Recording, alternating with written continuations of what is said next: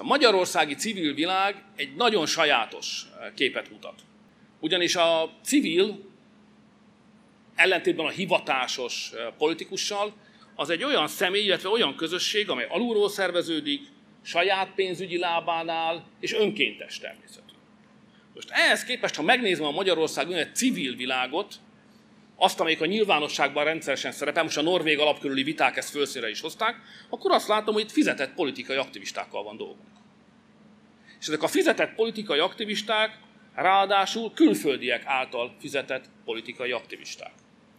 Meghatározható külföldi érdekkörök által fizetett aktivisták, akikről nehéz elképzelni, hogy ezt szociális beruházásnak tekintsék, sokkal inkább indokolt az a fölfogás, hogy ezen az eszközrendszeren keresztül befolyást kívánnak adott pillanatban és adott kérdésekben gyakorolni a magyar államéletre. Nagyon fontos tehát, hogyha újra akarjuk szervezni a liberális állam helyett a nemzeti államunkat, akkor világossá kell tenni, hogy itt nem civilekkel állunk szemben, nem civilek jönnek velünk szemben, hanem fizetett politikai aktivisták, akik külföldi érdekeket próbálnak Magyarországon érvényesíteni.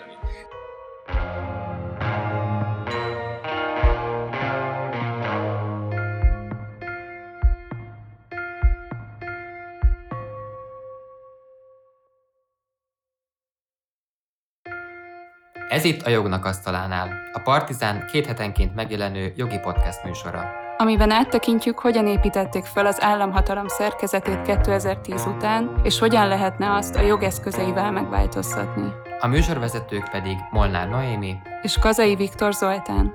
Ha tetszik az adás, akkor szállj be a Partizán műsorainak finanszírozásába a Patreon oldalon, valamint ne felejts el feliratkozni a Partizán YouTube csatornájára. Ne maradj le a jognak asztalánál egyetlen epizódjáról sem. Kövess minket Spotify-on és a Facebookon, ahol a műsorhoz kapcsolódó egyéb érdekes információkat is megosztunk.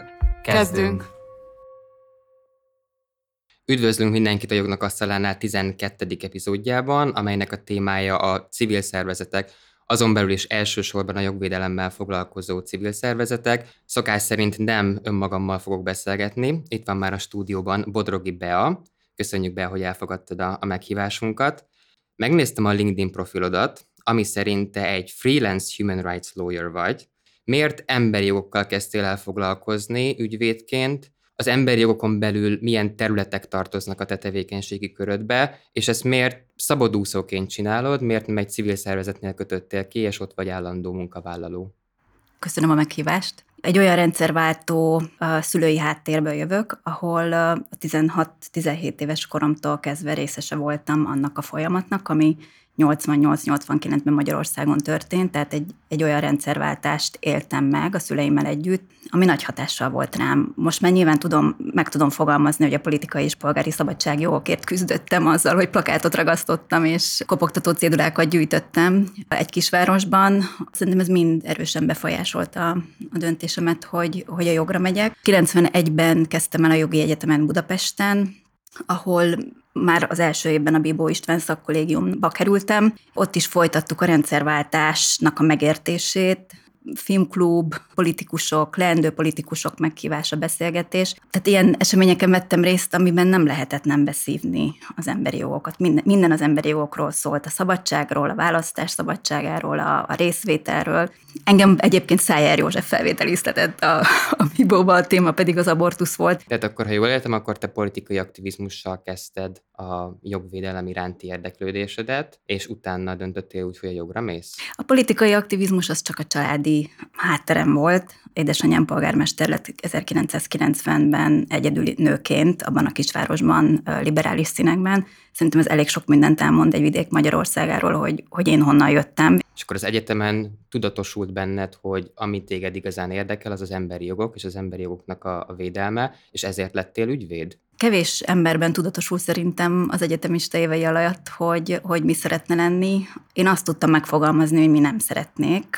Így szűkítettem a, a palettát arra, hogy, hogy civil szervezetnél szeretnék dolgozni, és nem for-profit szervezetnél, nem klasszikus ügyvédi irodában. Azért a 90-es években egy nagy fellendülést lehetett látni, rengeteg civil szervezet akkor alakult, és én akkor a Nemzeti és Etnikai Kisebbségi Jogvédő irodánál kezdtem el dolgozni. Tulajdonképpen onnantól kezdve ez meg meghatározta az én pályámat. Együtt dolgoztam Furman Imrével, aki később az egyelő bánásmódhatóságnak a, az egyik vezetője lett, és nagyon sok olyan ügy, ügyön dolgoztunk együtt, ami, ami szerintem meghatározta az én további pályafutásomat. És az, hogy, hogy más területeket és a jobb, a roma jogvédelem mellett más területekre is átmentem, az igazából egy, egy folyamat volt. Időközben elmentem Londonba tanulni két évre, egy elelemet szereztem emberi jogok, nemzetközi emberi jogi témában, és amikor visszajöttem, akkor visszajöttem a Nemzeti és Etnikai Kisebbségi Jogvédőirodához, de már ügyvédként, és onnan elindult egy olyan belső folyamat, hogy nem csak ez érdekel, hanem szeretném megnézni, szeretnék megnézni más területeket is. És akkor az saját életem eseményei is hodortak más területekre, például az otthonszüléseim, azok azonnal kinyitották azt a vonalat, hogy önrendelkezési joggal, női jogokkal is foglalkozzak. Azokban az években történt egyébként az otthonszülést kísérő bábák elleni büntetőeljárások sorozata, és annyira adta magát, hogy amiben én mélyen érintett vagyok, abban úgy segítsek, amiben tudok.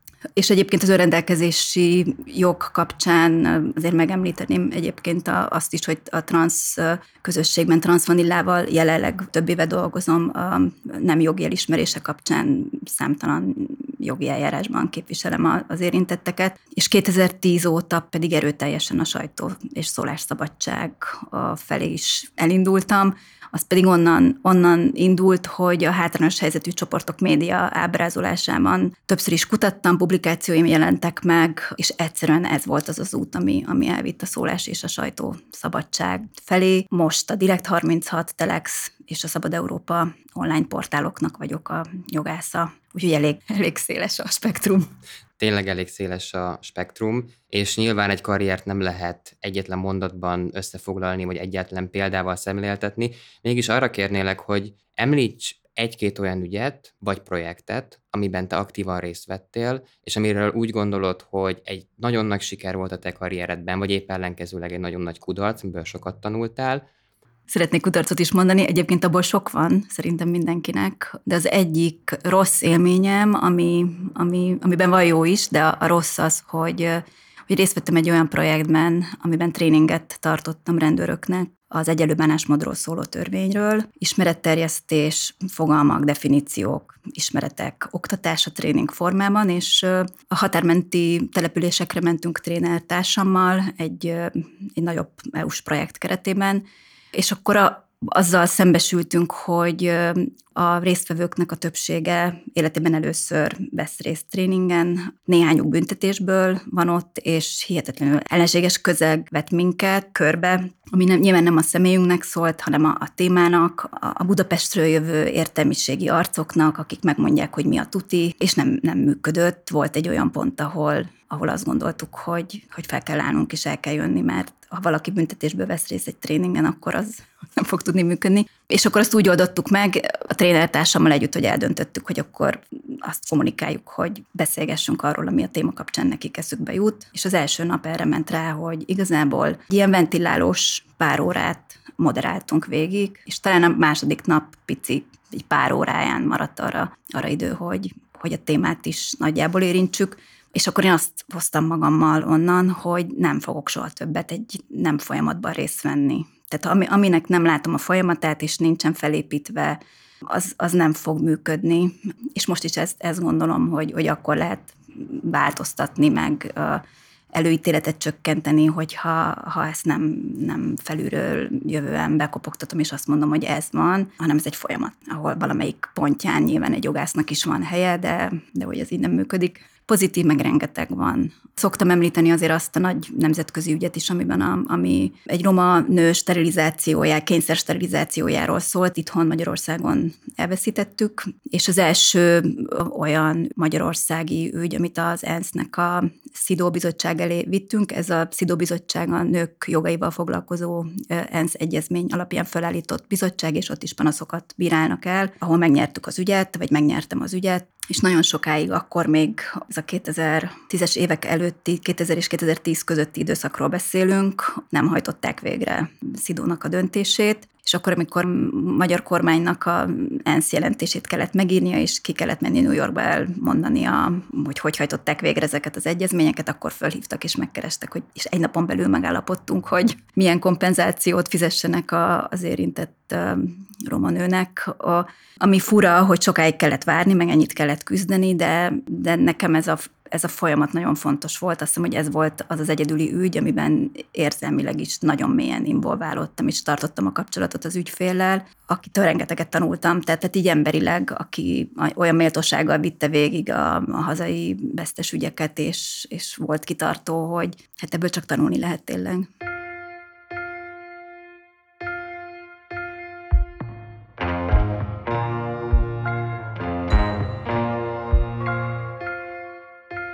Azt gondolom, hogy nagyon sokan, akik átlagos hírfogyasztók, keveset tudnak arról, hogy mi pontosan egy civil szervezet, mi a tevékenysége egy civil szervezetnek, valóságban hogyan finanszírozzák ezeket a civil szervezeteket. Kezdjük magával, talán a definícióval. Mi egyáltalán az, hogy civil szervezet, és azon belül mit jelent az, hogy valaki jogvédő civil szervezet? Nincsen jobb definíció rá, mint a civil törvény preambuluma.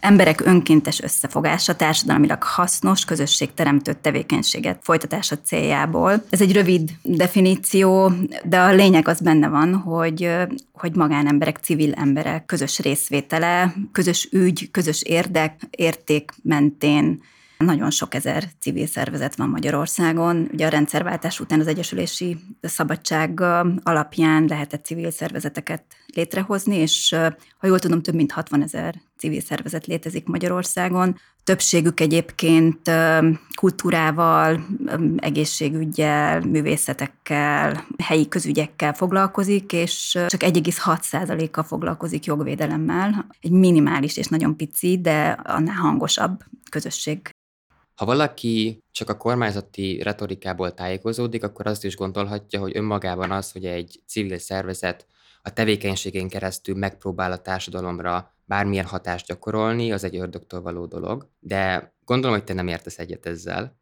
Szerintem nem csak a célja, hanem eredménye. Egyszerűen a, a jogvédő szervezetek tevékenységének az eredménye az, hogy társadalmi hatást és változást indítanak el, hogyha azt a néhány jogvédő szervezetre tekintünk Magyarországon, akik a jogsegélyt nyújtanak embereknek, emberjogi témákban legyen az polgári politikai szabadság, jog, választás, véleménynyilvánítás szabadság, vallás, kultúra, menedékjog, tehát nagyon-nagyon széles a tárháza szerintem a hazai jogvédő szervezeteknek, akik jogsegélyt nyújtanak. A jogsegély az, hogy egy-egy konkrét ügyben, amikor az egyén az állammal szemben valamilyen konfliktusba kerül, vagy az állam nem tiszteli, nem tartja be az egyénnek a emberi jogát, akkor a jogvédő szervezet egyéni segítséget nyújt, és az igazságszolgáltatás útját járva kényszeríti ki, vagy éri el az adott jog. Szóval ilyen szempontból mindenképpen hoznak változást, ugyanis konkrét ügyek tudnak azért változást generálni. Ezen kívül milyen más tevékenységet folytatnak még? Szerintem az egyik legfontosabb terület az, hogy információt kapjanak az emberek avval kapcsolatban, hogy aktív állampolgárok lehessenek, gyakorolhassák mindenfajta alapvető jogaikat. Szerintem ebben a, a civilek hiánypótló munkát végeznek. Ez része nyilván a, a nevelésnek, a szülőknek is feladata, hogy, hogy beszélgessenek a gyerekekkel, tájékoztassák őket, de nyilván nem mindenki jut ilyen lehetőséghez. Az iskolának is lenne feladata ez, hogy információt adjon. Azt látjuk, meg szerintem mindannyian tapasztaltunk, hogy, hogy azért nem erősebben a hazai iskolarendszer, és szerintem ezért is hárul nagy felelősség, nem felelősség, hanem, hanem egy űr igazából, amit szerintem a civilek, civilek betöltenek. Ha most megnézzük a társaság a szabadságjogokért, most a járványhoz kapcsolódóan kiadott tájékoztatójukat az egészségügyi, egészségügyel kapcsolatos alapvető jogokra, tehát az látszik, hogy az emberek nagy része onnan szerzi az információt. És akkor vannak azok a területek, amikor civil szervezetek kutatásokat végeznek, jelentéseket fogalmaznak, meg főleg ezek a jogvédő szervezetek egyszerűen egy, egy tükröt tartanak jogállamról, hogy, hogy hol tartunk.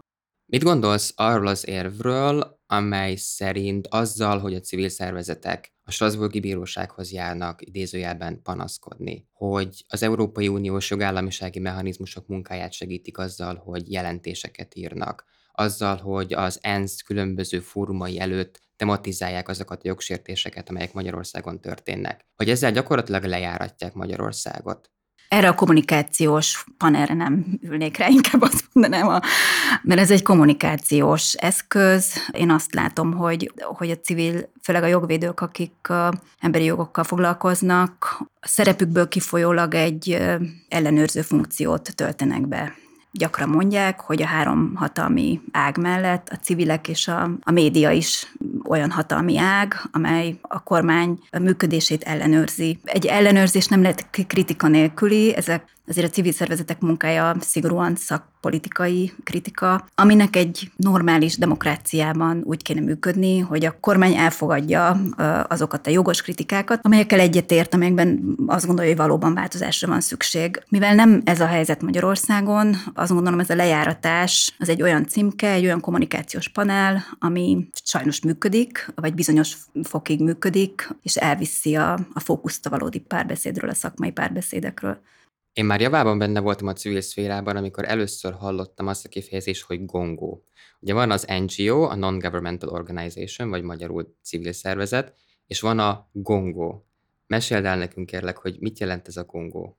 Egy picit visszaugornék ahhoz, hogy mi a NGO, a, az a non-governmental organization, ez nem kormányzati szervezet, és ez azért fontos, hogy egy picit definiáljuk, mert, mert ahhoz, hogy a gongot is definiáljuk, az, az feltétel előfeltétele, hogy, hogy azt a legfőbb jellemzőjét, amit egy NGO-t jellemez, azt, azt elmondjuk, méghozzá az, hogy független a mindenkori kormánytól. A függetlenségnek több szála van, független anyagilag. Egyébként anyagilag az, hogy beszélünk a, a civil szervezetek anyagi támogatásáról, tehát lehet úgy valaki független, hogy kap állami támogatást, de hogy a döntéshozó szerv tervében nincsen beleszólása a politikának, az aktuális hatalomnak. Talán ez az egyik legfontosabb ismérve. Ezzel szemben a Gongó az pedig a kormány által létrehozott civil szervezet, amelyeknek a létezését igazából főleg ilyen elnyomó rendszerekben látjuk, ahol az a hatalom érdeke, hogy olyan civil szervezeteket hozzon létre, amelyek a saját érdekei és a saját politikáját támasztja alá, szakmai érvekkel, civil szervezeti kabátba bújtatva abból a célból, hogy azt tudja mondani, hogy meghallgatjuk a jogvédőszervezeteket, de hát azért ezzel szemben van más érv is, és akkor elmondja ez a kormányzat által létrehozott civil szervezet a kormányzati retorikát és a kormányzati irányt. Az is jellemzője a gongoknak, hogy változik az álláspontjuk akkor, amikor a kormánynak is változik az álláspontja. Tehát, hogy nem egy, és nem működik annyira transzparensen átláthatóan, mint a nem kormányzati szervezetek. És azért ez nem egy magyar találmány, ennek nem nemzetközi viszonylatban is van példája. Ahogy említettem, azért ezek az elnyomó autoritár rendszerben bukkannak fel, és szolgálják igazából a hatalom érdekeit. 2000-es évek elejétől azért már látjuk a, az orosz mintát. Oroszországban is létrejött több százezeres támogatottságú olyan fiatal ifjúsági szervezet, akik tüntetéseket szerveztek. Putyin 55. születésnapjára több százezres tömeg vonult az utcára, tehát egy kormányzat melletti tüntetés, ami ami számomra amúgy is abszurd.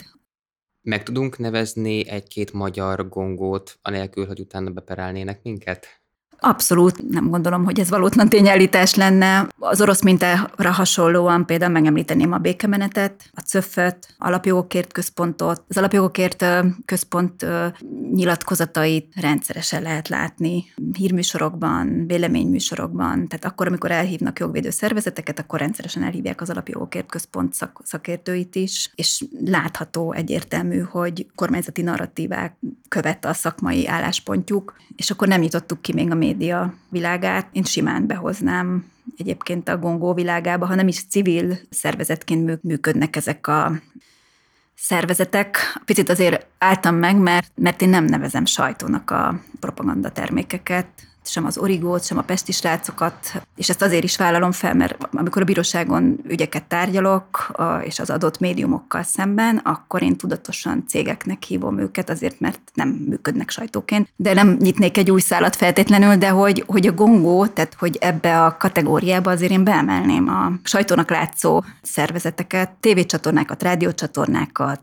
online portálokat, sok száz ilyen van, hogyha megnézzük az önkéntes felajánlásukat, amit megtettek és egy cégbe tettek, ezt hívjuk Kesmának, akkor az egyértelmű, hogy, hogy a kormányzati érdekeket és a politikai érdekeket szolgálják ki ezek, a, ezek az intézmények, szervezetek, cégek. Az előbb már utaltál arra, hogy a gongók magyarországi megjelenése és valójában egy nemzetközi trendet követ.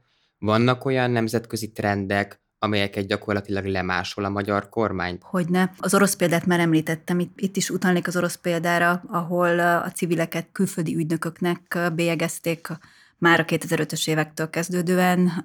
Izraeli példát is tudnék említeni, ahol szintén, szintén bevezettek valamilyen fajta regisztrációs kötelezettséget civilek kapcsán, de igazából nem teljes minta átvétel történik, hanem vannak olyan civileket zaklató, lejárató, ellehetetlenítő különböző országok különböző lépései, amelyeket 2010-től tudatosan átvesz a hazai hatalom, vagy a, kormány, és alkalmazza is ezeket. Tehát a, azok a törvények a külföldi támogatásban részesülő szervezetek regisztrációs kötelezettségéről, ez a civil törvénynek az a, az a módosítása, amire arra kötelez civil szervezeteket, hogy, hogy abban az esetben, hogyha külföldről érkezik támogatás adomány részükre, akkor egy meghatározott összeghatáron felül be kell jelenteni ezeket az adományozóknak a nevét, az összeget, egy portálon regisztrálniuk kell, és minden egyes kiadványukban fel kell tüntetni, hogy külföldről támogatott szervezetek. Ez az egyik, a másik pedig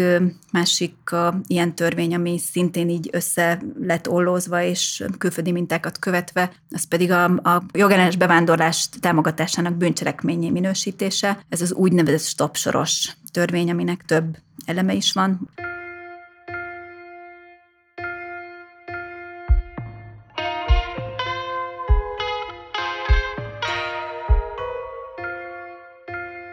Javaslom, hogy térjünk át a 2010 utáni kormányzati intézkedéseknek a tárgyalására. Nem szeretnék kronológiai sorrendben haladni, inkább azt javaslom, hogy próbáljuk meg valahogy csoportosítani ezeket az intézkedéseket az szerint, hogy mi volt azoknak a célja. Én alapvetően három pillért tudok megkülönböztetni. Az egyik a megbélyegzés, azok az intézkedések, amelyek egy civil ellenes közhangulat kialakítására irányultak. A második a civil szervezetek anyagi forrásainak elzárása, és vagy a források felhasználása fölötti kormányzati kontroll megerősítése, és végül harmadikként a civil szervezetek megakadályozása a mindennapi tevékenységük feladataik elvégzésében. Ha egyetértesz ezzel a csoportosítással, akkor talán kezdjük a civil ellenes kormányzati retorikával. Fel tudnánk vázolni egy ívet arról, hogy 2010 után hogyan épült fel az a fajta kormányzati retorika, amely gyakorlatilag kialakított Magyarországon egy nagyon toxikus, civil ellenes közhangulatot. A, a civilek megbélyegzése általában egy kommunikációs eszköz. És azt, azt kell látni, hogy minden egyes kormányzati intézkedés, amely a civilek ellehetetlenítésére épül, azt, azt egy nagyon alapos, átgondolt kommunikációs stratégia előzi meg. Ennek mentén szerintem érdemes beszélgetnünk, mert ha megnézzük a NER rendszert, akkor nem csak a civilek vonatkozásában látjuk azt, hogy mekkora hangsúlyt fektetnek a kommunikációra. Én azt gondolom, hogy szinte minden a kommunikáció, amit ma, ma látunk a politikában. A kommunikációs eszköz pedig a nemzeti konzultáció, itt tulajdonképpen kérdéveket küldenek ki a, a lakosságnak. Abba a köntös beágyazva, hogy megkérdezzük az embereket, és az emberek akaratát, és kívánságát, és igényét figyelembe véve hozzuk meg a döntéseinket. A kommunikáció ezen kívül még épül a kormányzati politikusoknak a nyilatkozataira, a Fidesznek a, a sajtóközleményeire, és hát ugye a péntek reggeli Kossuth Rádióban a miniszterelnöknek a, a nyilatkozatára, vagy egyoldalú beszédére, amit interjúnak nem neveznék. És kiemelnék néhány, néhány olyan a civilekre vonatkozó mondást, szólást, ami megalapozta például a 2017-es civil ellenes törvényt. Például már 2014-ben Hoppá Péter szóvivő mondta azt, hogy Amerikai pénzen kitartott álcivil szervezetek megrendelésre járatják le az országot és kormányt. A Fidesz sajtóközleménye 2015-ben, Jogvédő Egyesület itt a Helsinki Bizottságra vonatkozó állítás volt, nemzetközi spekuláns pénztőke megrendelését teljesíti, adatokat hamisít. Most nem olvasom föl nyilván az összes ilyen közlést, de mindegyiknek a lényege ez a külföldi érdekeket és nem a hazai érdekeket szolgáló szervezetek, a politikát befolyásolni kívánják a magyar emberek érdekeivel szemben, és nagyon hamar megjelent a 2015-ös migrációs hullám és válság kapcsán migrációhoz kapcsolódó összes negatív kommunikációs panel. Voltam egy, meg most is benne vagyok egy olyan projektben, ahol a médiát monitorozzuk a különböző felületeket, és egyértelmű az a következtetés, hogy a bevándorlás, migráció az a, a, a kormányzati médiában kizárólag bűncselekménnyel van összekapcsolva. Igazából fontos az, azt is látnunk, hogy a 2015-ös migrációs hullámot és válságot azt nagyon, nagyon a kommunikációs sikra terelte a kormány, és onnan felépítette tulajdonképpen azt a panelt, ami már megágyazott a, a stop sorosnak és a civil regisztrációs törvénynek. Stop soros, soros terv, szerintem ez az, ami, ami így beég az emberekben. Nem tudjuk, hogy az micsoda. Tehát, hogy, hogy egyszerűen egy, olyan hívószavakkal operálnak, ami, ami nagyon-nagyon működik. Gyakorlatilag erre épült az a törvény is, amit már említettél, az úgynevezett regisztrációs törvény. Mit jelentett pontosan ez a regisztrációs kötelezettség? Mikor, kinek kellett regisztrálni, mivel járt ez, azokat a civil szervezeteket érintette, akik egy éven belül több mint 9 millió forint külföldi támogatásban részesültek. Ezeknek a civil szervezeteknek egy központi adatbázisba kellett bejelentést tenniük, nyilatkozni kellett az adományozó nevéről, az összegről, a típusáról, és akkor, hogyha ha ezt a regisztrációs kötelezettséget nem teljesítette, akkor különböző szankciókban részesülhettek a szervezetek, ügyészi felszólítás, és akár a, legvégsőig a civil szervezetnek a megszüntetése is szóba kerülhetett. Fontos szerintem, hogy nem csak hazai szinten léptek fel, tiltakoztak civil szervezetek, hanem bekapcsolt azért az a nemzetközi jogorvoslati irány is, ami szerintem fontos egy, egy jogállamban. Az Európai Unió, aminek tagja Magyarország, kötelezettségszegési eljárást indított Magyarországgal szemben. Ugye kötelezettségszegési eljárást akkor indítanak, hogyha a, egy adott törvény vagy intézkedés az Európai Uniós joggal ütközik, és ez egy hosszú folyamat, aminek a végén akár bírósági ügy is lehet belőle, az Európai Unió bírósága elé is kerülhet az ügy, hogyha az egyeztetés során az adott állam nem módosítja, nem korrigálja, nem látja be, hogy valóban uniós szabályokkal ellentétes az adott jogszabály. Ez Magyarországon nyilván kódolni lehetett, hogy nem történt meg, és uniós ítélet is született ebből, tehát az Európai Unió Bírósága elmarasztalta Magyarországot, azt mondta, hogy az egyesülési szabadsággal, a személyes adatokhoz való jogvédelmével ellentétes ez az intézkedés, és kötelezte arra, hogy, hogy helyezze hatályon kívül. Sok hónapon keresztül keresztül a magyar kormány ennek nem tette eleget, akkor tette eleget, amikor már pénzügyi szankció is kilátásba helyezett az Európai Bizottság, hogyha nem hajtja végre. Gondolod, hogy a kommunikációs stratégián kívül, tehát azon kívül, hogy megbélyegezzék ezzel a civil szervezeteket, más célja is volt ezzel a törvényel a kormánynak? Tehát tényleg azt szerették volna, hogyha emiatt megszűnnek civil szervezetek? Szerintem nem. Ezek, ez, én, én azt gondolom, hogy ez, ez egy kommunikációs eszköz.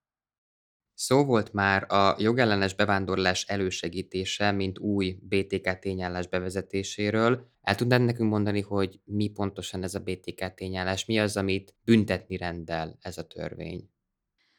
A tényállás, a jogellenes bevándorlást segítő szervezetek szankcionálására vonatkozik. Ennél nem sokkal több egyébként maga a törvényi tényállás. Szoktuk erre azt mondani, hogy megfoghatatlan gumiszabály, tehát hogy bárki bármit érthet az alatt. A jogalkalmazókat egyáltalán nem segíti, hogy hogyan értelmezzék ezt. Ehhez a törvénycsomaghoz egyébként tartozott egy bevándorlási adó bevezetése is, ami szintén egy olyan megfoghatatlan tág kategória, hogy a bevándorlást elősegítő civil szervezeteknek a tevékenységét, erre vonatkozó bevételeiket megadóztassák, ami szintén elképesztő, hogy mennyire egy nem konkrét, nem egy tiszta világos törvényi tényállás. És hát nem meglepő, hogyha megnézzük, hogy indult eljárás, akkor azt látjuk, hogy nem indult eljárás, és semmilyen bevétele nem származott Magyarországnak a bevándorlási adóból, tehát nem alkalmazta a kormány és a végrehajtó szervei ezeket a törvényi tényállásokat. Visszatérnék a kommunikációra, mert itt is fontos, hogy ezt is megelőzte egy,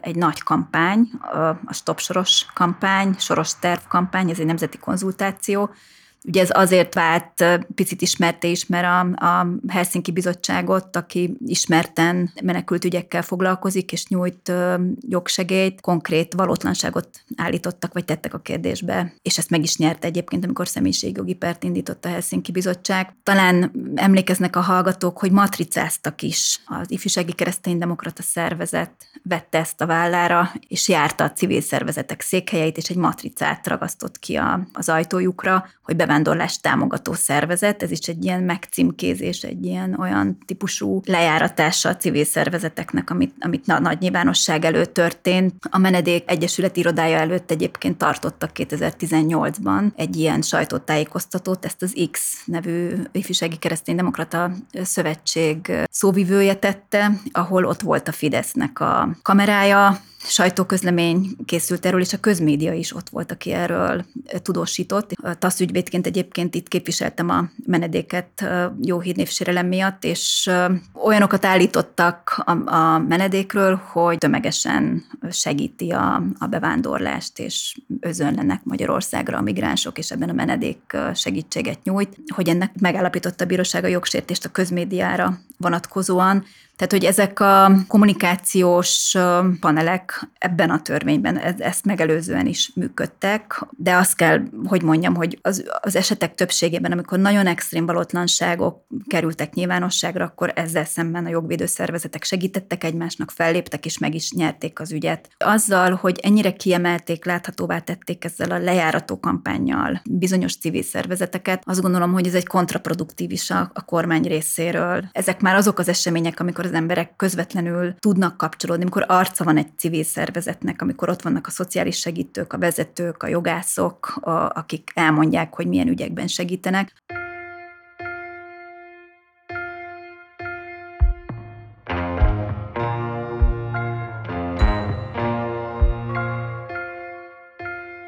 Tehát akkor összefoglalva azt lehet mondani, hogy 2010 után a kormány részéről egy nagyon tudatos kormányzati stratégia épült arra, hogy a civil szervezeteket megbélyegezzék, és ez konkrétan olyan törvényekben is testet öltött, mint például a regisztrációs kötelezettség, mint például a jogellenes bevándorlás elősegítése nevű tényállás, de ezen kívül azért voltak olyan kormányzati intézkedések is, amelyek nem egyszerűen úgymond szimbolikus jelentőségűek voltak, vagy nem csak a retorika szintjén működtek, hanem egészen konkrétan húsba vágóan érintették a civil szervezeteket. Elsősorban a civil szervezeteknek a finanszírozását.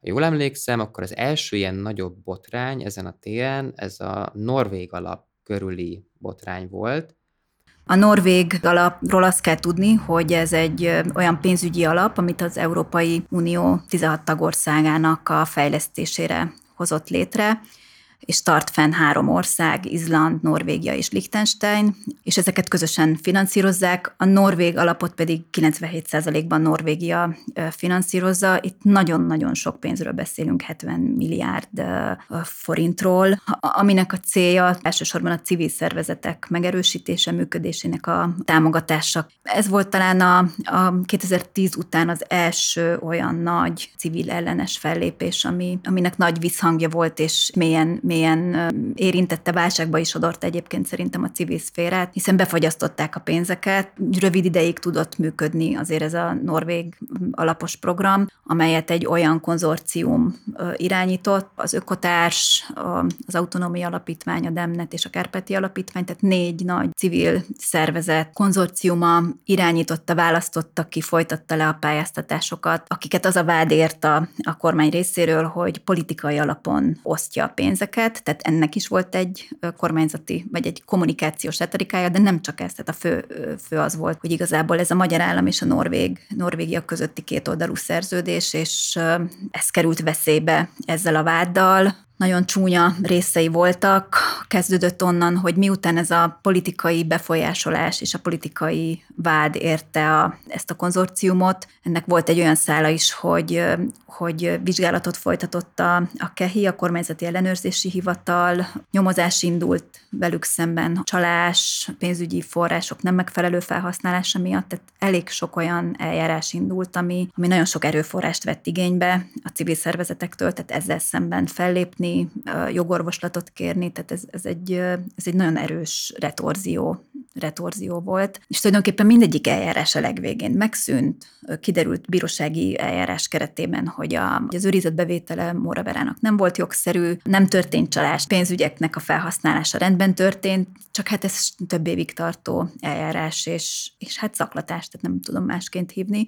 És ennek az is lett az eredménye, hogy a norvég, norvég alapos pénzek felfüggesztésre kerültek, és nem is tudnak folytatódni, ugyanis a friss hírek azt mutatják, hogy ez újraindult ez a tárgyalási folyamat Magyarország és Norvégia között, de nem sikerült a megállapodás, és a hátteréről tudjuk azt, hogy, hogy egyszerűen nem sikerült megállapodni azokban a szervezetek kiválasztásában, akik ezt működtetni tudnák. A kormánynak érdeke volt és szempontja, hogy, hogy a saját civil szervezete úgymond gongolja is ebbe szerepet kapjon, a norvégok pedig ragaszkodtak nagyon helyesen ahhoz, hogy független, átlátható, kormányoktól független civil szervezet, akinek, a, akinek van, van olyan múltja, hogy képes egy ilyen hatalmas pályázati rendszert lebonyolítani. Szóval ezek meghiúsultak, ami egy nagy érvágás szerintem a, a civil szektornak, hiszen rengeteg pénztől esik el.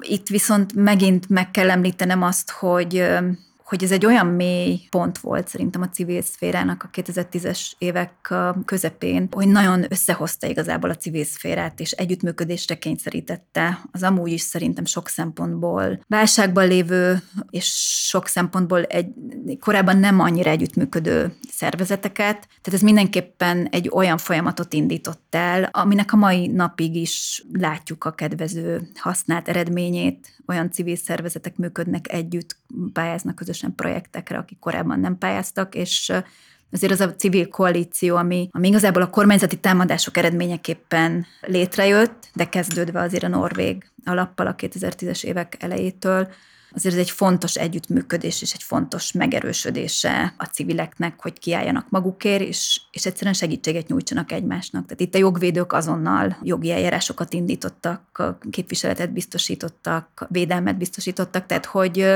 hogy itt egy nagyon erős szolidaritás és kiállás, amit egymásért szerintem megtett a civil szervezet. És hogyan finanszírozzák a civil szervezeteket? Tehát egy civil szervezetnek honnan van pénze, hogyan tudja ezt a pénzt felhasználni, és ezzel hogyan kell egyébként elszámolnia? Több lábon állnak a civil szervezetek. Elsősorban a magánszemélyek adományaiból, a cégek adományaiból, és nagyon nem mellesleg állami támogatásokból. Az állami támogatások rendszerébe vesszük egyébként az Európai Uniós vagy a hazai költségvetési forrásból érkező bevételeket, valamint azokat a nemzetközi szervezetek, nagyobb szervezetek, akik adományozó adományozással jöttek létre, ezek adományaiból. Tehát négy-öt olyan forrást jelölnék meg, amiből egy hazai civil szervezet bevételt szerezhet. A hazai költségvetés menedzserését azt a kormány végzi egy nemzeti együttműködési alap keretében. E, erre vonatkozik jogszabály, hogy, hogy hány százalékot költhetnek civilek működésére, hány százaléka lehet szabad keret, amit, amit egyénileg egy miniszter jóváhagyásával lehet kiosztani. De azért az állami költségvetésből támogatott civil szervezetekre is azt tudom mondani, hogy, hogy nagyon megváltozott ennek a rendszere 2010 után, ugyanis a NEA Nemzeti Együttműködési Alapból egyetlen egy független jogvédő szervezet például nem kap támogatást, és főleg kormányzati közeli civil szervezetek részesülnek támogatásban, és természetesen egy csomó más civil szervezet, aki egy nem politikai vagy nem közéleti síkon mozog, hanem minden más egyéb egészségügy, kulturális művészetek terén, de, de azért látjuk, hogy ennek a rendszernek fontos a, a NER-hez való, tehát a rendszerhez való lojalitás és a közeliség.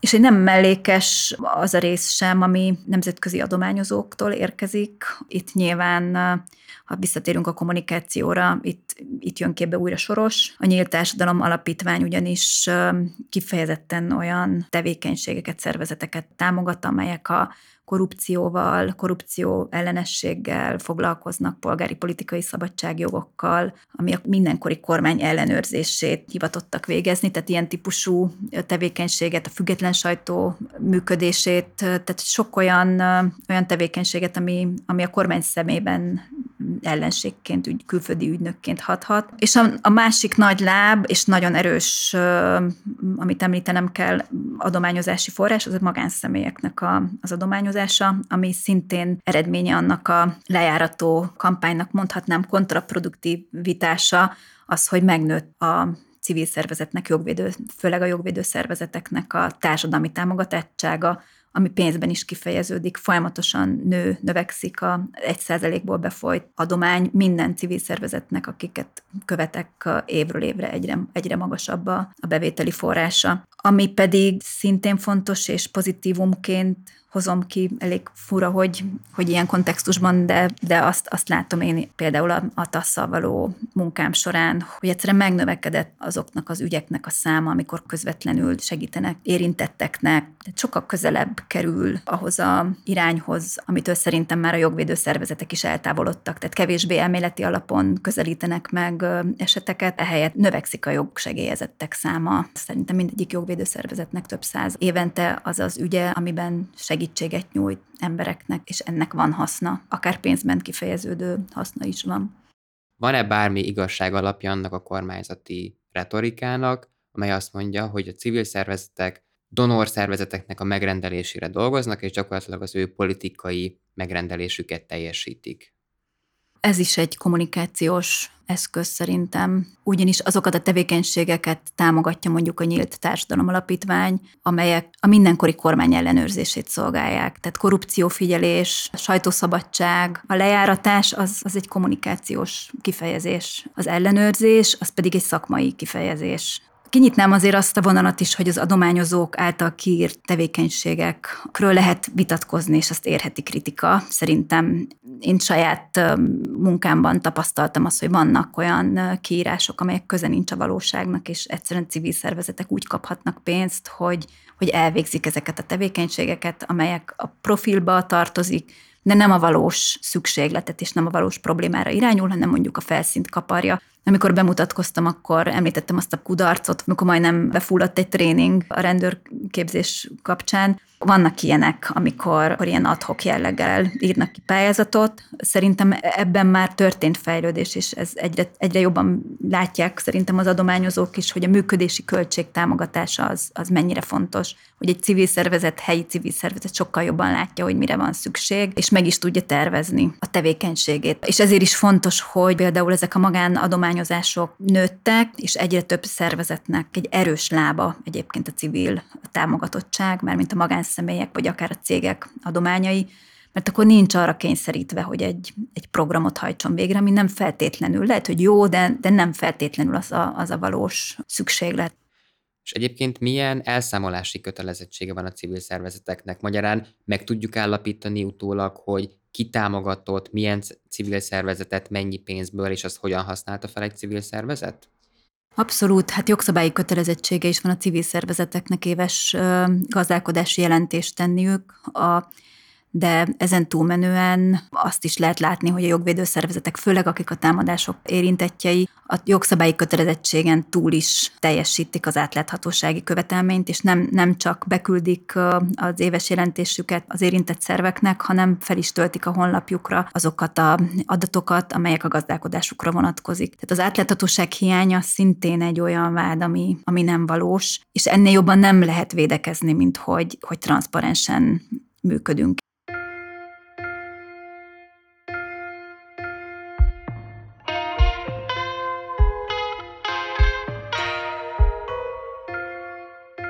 Végül szeretnék még beszélgetni egy kicsit veled azokról a kormányzati intézkedésekről, politikai gesztusokról, vagy éppen azoknak a hiányáról, az állami intézményeknek azon döntéseiről, amelyek gyakorlatilag ellehetetlenítik, vagy legalábbis nagyon megnehezítik a civil szervezeteknek a, a mindennapi munkáját. És akkor itt említhetnénk azt, hogy törvényi kötelezettsége ellenére a magyar kormány szinte soha nem vonja be a civil szervezeteket a jogszabályok előkészítésébe. Azt is említhetnénk, hogy ha jól emlékszem, én 2017-18 környékén az állami intézmények egyszer csak fogták és felmondták az összes együttműködési megállapodásukat a civil szervezetekkel, és a többi, és a többi lehetne mondani még számtalan ilyen intézkedést. Azoknál a civil szervezeteknél, ahol te dolgozol, és azokban az ügyekben, amiben te eljártál, hol érezted azt, hogy a kormány vagy a kormányzati intézmények igyekeznek úgy, ahogy csak lehet ellehetetleníteni, lelassítani, megakadályozni a ti mindennapi munkátokat?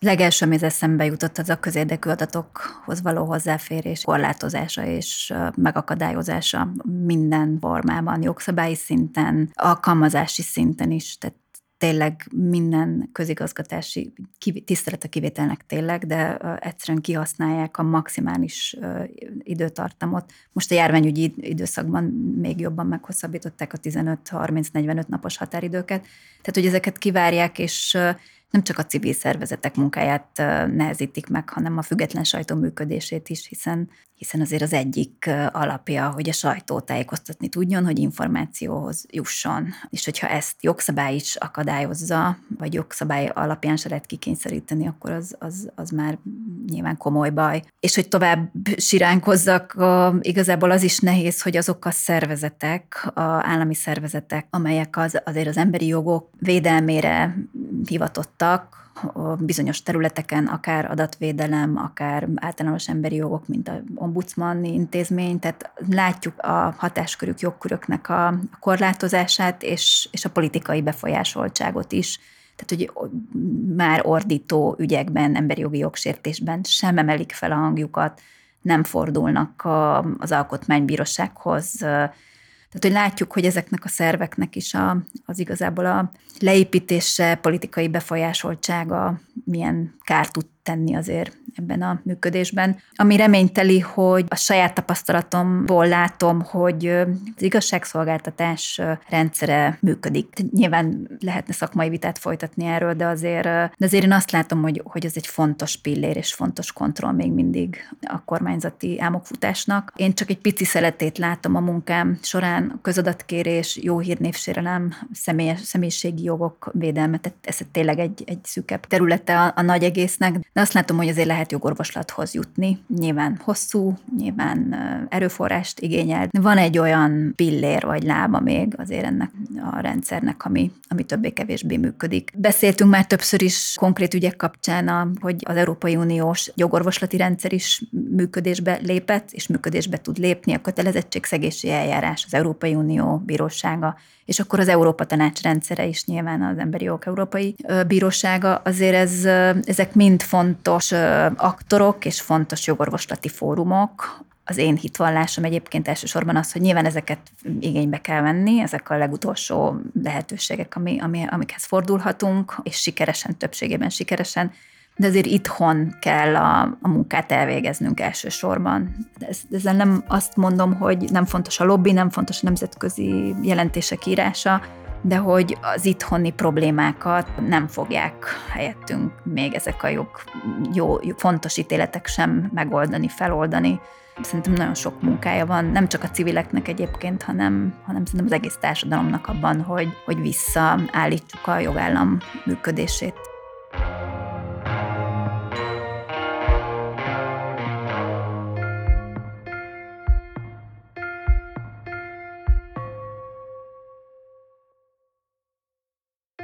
Ez volt a Jognak Asztalánál, a Partizán jogi podcast műsora.